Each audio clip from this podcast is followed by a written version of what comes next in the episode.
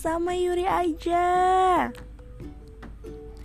Di sini kalian bakal temuin cerita cerita-cerita tentang cinta, karir, uh, atau kalian bisa berbagi resep makanan atau makanan-makanan yang kalian suka atau kita bisa ngomongin semua hal yang ada di dunia ini.